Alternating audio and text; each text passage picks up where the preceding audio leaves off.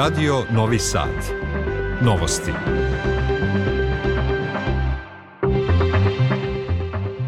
Dobar dan, ja sam Slobodan Vidović. Moje ime je Jadranka Mitić. Ovo su najvažnije vesti. Identifikovane sve žrtve jučerašnje pucnjave u Pragu, u Češkoj sutra, dan žalosti. Policija pronašla tinejdžere za koje se sumnje da su naručivali slanje poruka o postavljenim bombama, saopštio MUP Srbije. Kraj januara rok za formalizaciju sporazuma Beograda i Prištine najavio Lajčak. Međunarodni monetarni fond potvrdio stabilnost i rast naše ekonomije, aranžman prešao u aranžman iz predostrožnosti. Predstavljeno drugo izdanje Naledove sive knjige, inovacija sa 12 novih preporuka. U Čačku, prestonici kulture Srbije, večeras otvaranje etnološkog muzeja. Sutra vetrovito, prepodne kiša, kažu meteorolozi, temperatura do 11 stepeni, sada je u Novom Sadu 8.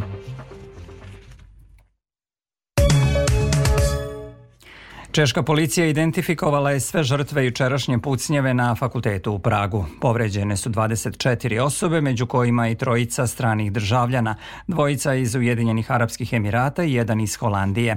Iz Češke policije saopštavaju da nije reč o terorističkom aktu. Sutra će u toj zemlji biti dan žalosti, pripremila Vesna Balta.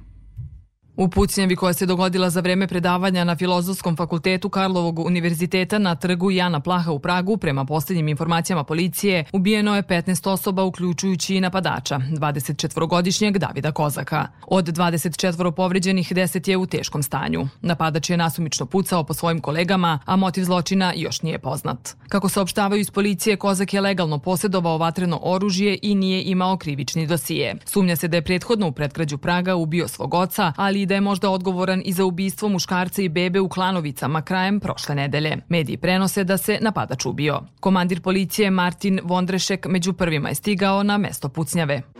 Video sam ogroman arsenal oružja i municije u zgradi fakulteta umetnosti. Uveren sam da bi broj žrtava bio višestruko veći i da nije bilo brze intervencije češke policije, koja je bila na licu mesta za nekoliko minuta i interventne za 12 minuta. Širom Češke preduzete su preventivne mere predostrožnosti usmerene na škole, bolnice, kulturne i sportske događaje. Jučerašnji masakr smatra se najvećim u istoriji Češke. Premijer te zemlje, Petar Fijala, saopštio je da je vlada sutrašnji dan proglasila danom nacionalne žalosti. Mnogo mladih života je izgubljeno, mnogi su povređeni, neki su u teškom stanju. Nema opravdanja za takav stravičan zločin i osjećam veliku tugu i ogručenost zbog besmislenog brutalnog nasilja. Nije reč o međunarodnom terorizmu ili akt organizovanih grupa, već je to akt usamljenog revolveraša. Bezbednostne snage drže pod kontrolom situaciju u gradu i budite uvereni da se ništa loše neće dogoditi nikom u Češkoj.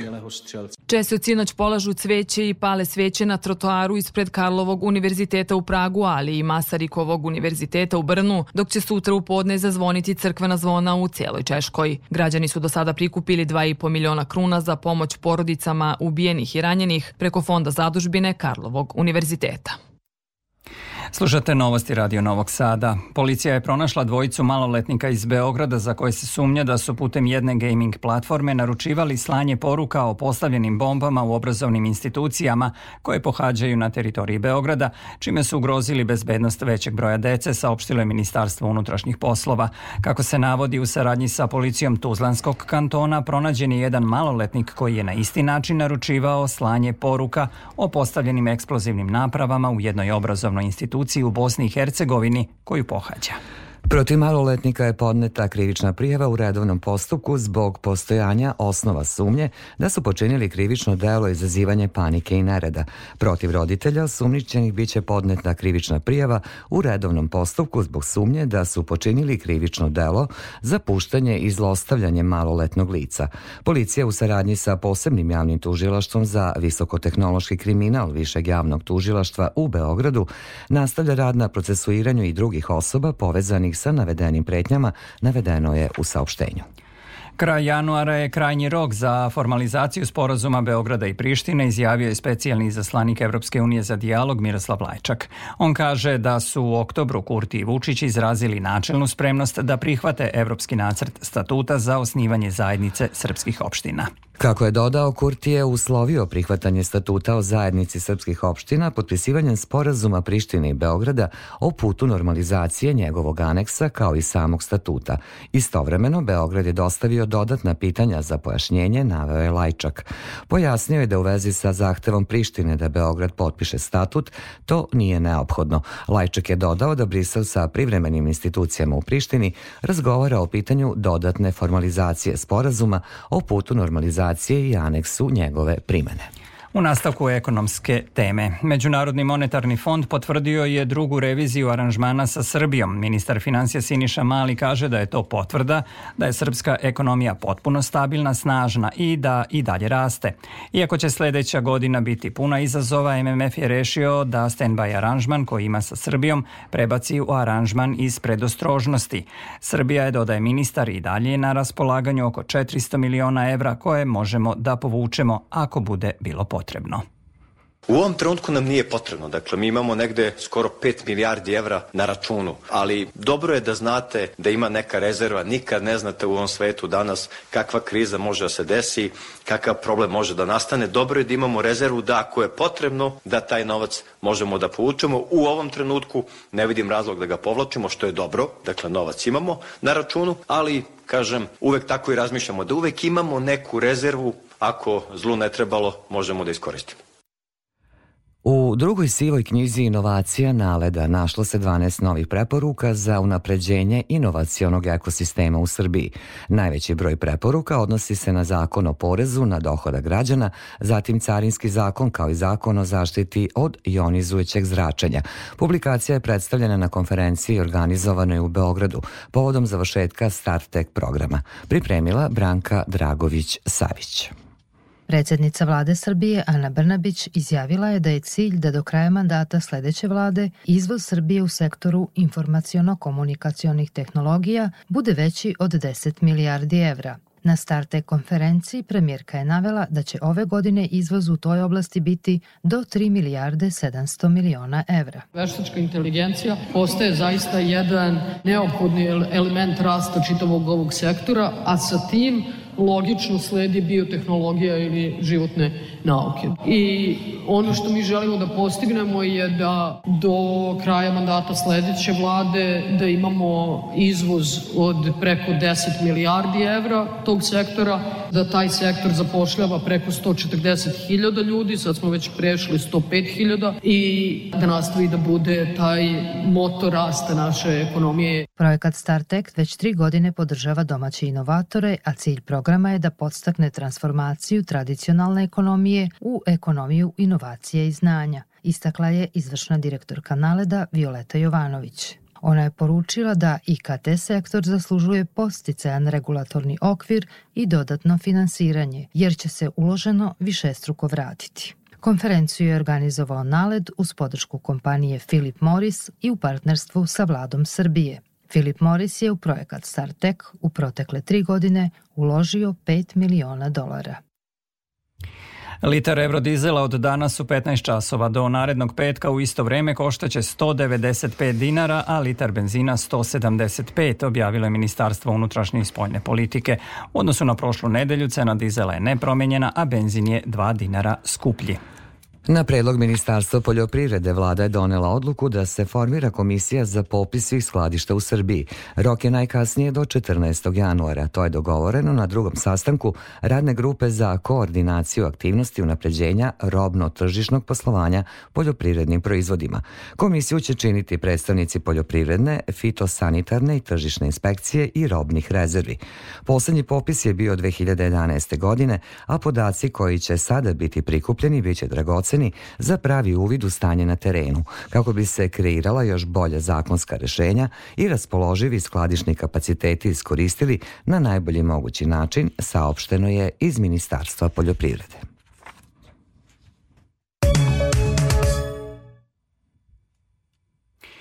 Više od 20.000 osoba je ubijeno, a više od 53.000 povređeno u izraelskim napadima na gazu od 7. oktobra, saopštilo je Palestinsko ministarstvo zdravlja. Kako navode, samo u poslednja dva dana poginulo je 390 osoba, a povređeno više od 700. Izraelske odbrambene snage saopštile su da su izvele vazdušne napade na više lokacija Hezbolaha u Libanu kao odgovor na napad na severni deo Izraela. IDF poziva stanovnike grada Bureija u centralnoj Gazi da se evakuišu na jug.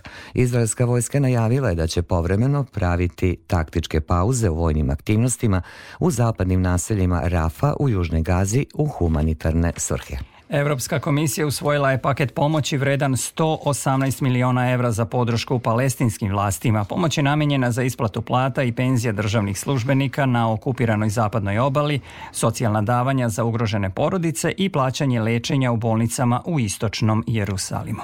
Predsednica komisije Ursula von der Leyen istakla je u saopštenju da je Evropska unija spremna da nastavi da pomaže palestinskoj upravi na duži rok. Za narednu godinu Unija je takođe izdvojila 125 miliona evra humanitarne pomoći za palestince u pojasu Gaze. Moskva ne prihvata nezakonitu zaplenu ruske imovine i smatra je izuzetno štetnom za globalni finansijski sistem, izjavio je portparol ruskog predsjednika Dmitri Peskov. On istakao da su Evropa i Sjedinjene američke države svesne da će nezakonita zaplena ruske imovine imati pravne posljedice po one koji su je pokrenuli i sproveli. Ako nam neko nešto oduzme, vidjet ćemo šta možemo da oduzmemo kao odgovor, rekao je Peskov. Pozivajući se na neimenovane izvore, New York Times je juče preneo vest da je Bela kuća signalizirala da je saglasna sa korišćenjem ruske imovine imajući u vidu da je sve više kongresmena koji se zalažu za zakon kojim bi to bilo dozvoljeno. Nakon početka ruske invazije Evropska unija i zemlje G7 zamrzle su gotovo polovinu ruskih devisnih rezervi, odnosno oko 300 milijardi evra. Turske vlasti privele su 304 osobe za koje se sumnja da su povezane sa militantnom grupom Islamska država. Većina osumnjičenih uhapšena je u tri najveća grada, Ankari, Istanbulu i Izmiru. Osumnjičeni su uhapšeni u okviru operacije Heroji 34 koja je prema rečima turskog ministra unutrašnjih poslova istovremeno sprovedena širom Turske. Islamska država odgovorna je za brojne napade širom Turske, uključujući i napad u noćnom klubu u Istanbulu pre nepunih sedam godina kada je stradalo 39 ljudi. Vlasti su pojačale operacije protiv te grupe i kurdskih militanata poslednjih nedelja nakon što je grupa kurdskih militanata detonirala bombu u blizini zgrada rada vlade u Ankari 1. oktobra. Još jedna vest iz sveta, najmanje 31 osoba je poginula u poplavama koje su ove nedelje posle obilnih kiša pogodile južnu indijsku državu Tamil Nadu. Do sada je spaseno više od 40.000 ljudi. Obilne kiše paralisale su nekoliko okruga u toj indijskoj saveznoj državi, a poplavljena su naselja, putevi i pruge. U proteklih nedelju dana u tom delu zemlje palo je tri puta više kiše nego što je uobičajeno za ovo doba godine. U velikoj poplavi koja je pogodila glavni grad te države, Čenaj, pre osam godina stradalo je 290 ljudi. Ovo su novosti. Za tri godine postojanja Banka hrane Vojvodine prikupila je više od 200 tona hrane i podelila je najugroženijima. Njena misija je prikupljanje hrane koja u našim prehrambenim kompanijama ostane kao višak i mnogi je bacaju. Akcije nastavljaju i za novogodišnje praznike, a drugu godinu pomažu i u humanitarnoj akciji radiotelevizije Vojvodine Slatkiš za mog drugara. Opširnije Davorka Jelena Draško. Osnivač organizacije Srđan Budimčić kaže da viška hrane ima mnogo i bilo bi još više kada bi država donela zakon kojim se ukida plaćanje PDV-a na doniranu hranu. Ovako, zbog dodatnog troška, firmama je jednostavnije da hranu bacaju. Kada bi se to usvojilo, procenjuje se da bi robe bilo u vrednosti od 16 miliona eura na godišnjem nivou. Mi ako bi svi bili pametni, tu mislim na Crveni krst Vojvodine, Srbije, Banke hrane Niša, Banke hrane Vojvodine, drugih institucija, udruženja, mogli bi onda zajedno da se dogovaramo, mogli bi da vidimo šta je to višak, koliko ima, čime raspolažemo i da dobrom komunikacijom, demografskim kartama koje bi trebale u budućnosti da se rade, mi bi mogli da pomognemo svakodnevno sve više i više naših sugrađana. Banka hrane Vojvodine podržala je akciju i naše medijske kuće Slatkiš za mog drugara, prilažući veliku količinu slatkiša doniranih od kompanija Jafa, Bambi i Deleze. Danas je u saradnji sa prodavnicama Maxi počela novu akciju kojom će dodatno prikupiti poklone. Organizujemo kutak u Ćošku, a to je da na 15 lokacija u Vojvodini građani koji žele da pomognu mogu da dođu u Maxi, da normalno pazare i mogu da kupe neki slatkiš ili nešto i da ubace u korpu koja je označena i mogu da doniraju. Novogodišnja humanitarna akcija RTV-a Slatkiš za mog drugara traje do 30. decembra, do kada građani mogu doneti slatkiše i ubaciti ih u korpu u holu naše zgrade na Mišeluku.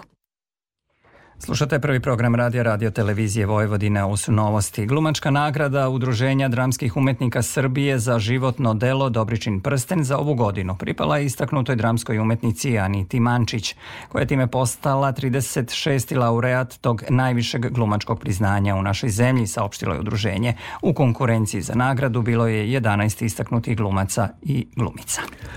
A u Čačku, prestonici kulture Srbije, večeras će biti otvoren etnološki muzej uz veliku dramsku kompoziciju Zapisi u kamenu. Pojedinosti Ivana Maletin Ćorilić.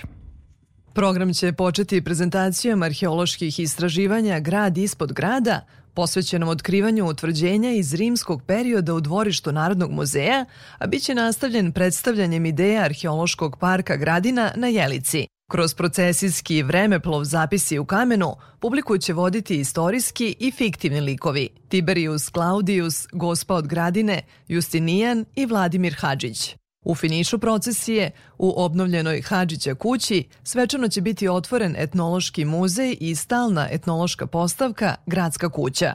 Postavka će približiti enterijer građanske kuće iz druge polovine 19. i prvih 30 godina 20. veka. Objašnjava etnološkinja i kustoskinja Narodnog muzeja u Čačku Ivana Ćirjaković. Ona je spratna i u prizemnom delu će biti jedna manja galerija i taj prostor trapezarije i radne sobe, a u gornjem delu biće taj divni salon u kome će biti naravno klavir, garniture salonske, sve ono što zapravo što su e, bogati građani zapravo Čačka mogli da posjeduju u tom nekom periodu, zatim te spavaće sobe koje su okrenute ka dvorištu. Mislim da će to biti jedan lep prostor u kome će se dešavati drugi neki događaj, ne samo da posetioci mogu da vide postavku, nego zbog tog manjeg dela galerijskog prostora mi imat ćemo i neke povremene izložbe, događaje. Prvu čačansku dvospratnicu Hadžića kuću podigao je 1854. godine jedan od najbogatijih žitelja Varoši, trgovac Vladimir V. Hadžić. Otvaranje etnološkog muzeja jedan je od glavnih infrastrukturnih projekata u godini titule Prestonice kulture Srbije, koja je produžena do marta kada bi trebalo da bude otvoren i dugo najavljivani muzej košarke. Predsednik pokrajinske vlade Igor Mirović čestitao je Božić Beogradskom nadbiskupu i mitropolitu Ladislavu Nemetu i svim vernicima koji taj praznik obeležavaju po gregorijanskom kalendaru.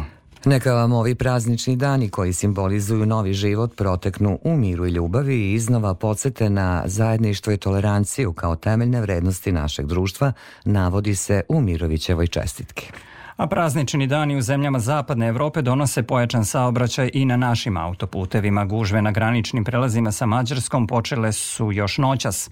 U proteklih 12 sati u Srbiju je preko graničnog prelaza Horgoš ušlo 9000 putnika u 35 autobusa i 3500 putničkih vozila, navodi RTS. Otvoreno je 8 traka, 7 za putnička vozila i jedna za autobuse. Do kraja januara produženo je radno vreme graničnih prelaza. Prelaz Horgoš 2 radit će stalno, granični prelaz Bajmok vikendom će raditi do ponoći, a granični prelaz Bački Vinogradi tim danima do 22 časa. I saobraćene policije apeluju na vozače da budu oprezni, da koriste zimsku opremu i vožnju prilagode uslovima na putu. Podsećaju da je u toku i akcija kontrole učesnika u saobraćaju. U novostima i vesti iz sporta košarkaši Vojvodine i Podgorice u 15 časova u širokom bregu počeli su meč sedmo kola regionalne ABA 2 lige. Od 18 časova Subotički Spartak sastaće se sa ekipom MZT iz Skoplja.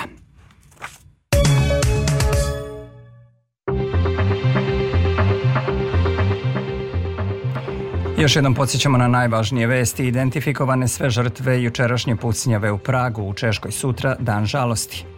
Policija pronašla tinejdžere za koje se sumnja da su naručivali slanje poruka o postavljenim bombama, saopštio MUP Srbije. Kraj januara rok za formalizaciju sporazuma Beograda i Prištine najavio Lajčak. Međunarodni monetarni fond potvrdio stabilnost i rast naše ekonomije, aranžman prešao u aranžman iz predostrožnosti. Predstavljeno drugo izdanje naledove sive knjige inovacija sa 12 novih preporuka. Sutra vetrovito prepodne kiša, kažu meteorolozi, evo detaljnije prognoze. U Vojvodini u subotu pre podne oblačno vetrovito. Mestimično sa kišom uz umeren povremeno jak severozapadni vetar.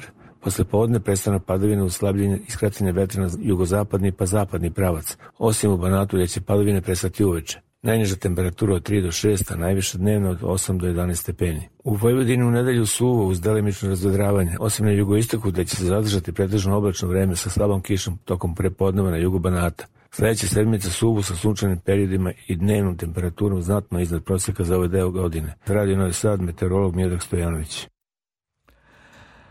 Slušali ste novosti prvog programa radija Radio Televizije Vojvodine. Ovu emisiju možete da slušate i odloženo na sajtu rtv.rs gde su i sve važne informacije iz zemlje i sveta. Emisiju tonski realizovao Zoran Vukolić. Producenti Branislava Stefanović i Zoran Bečejac. Pred mikrofonom bili Slobodan Vidović i Jadranka Mitić. Sledi Radio Sport pa vesti u 16 časova. Nakon toga možete slušati emisiju o turizmu Peta strana sveta.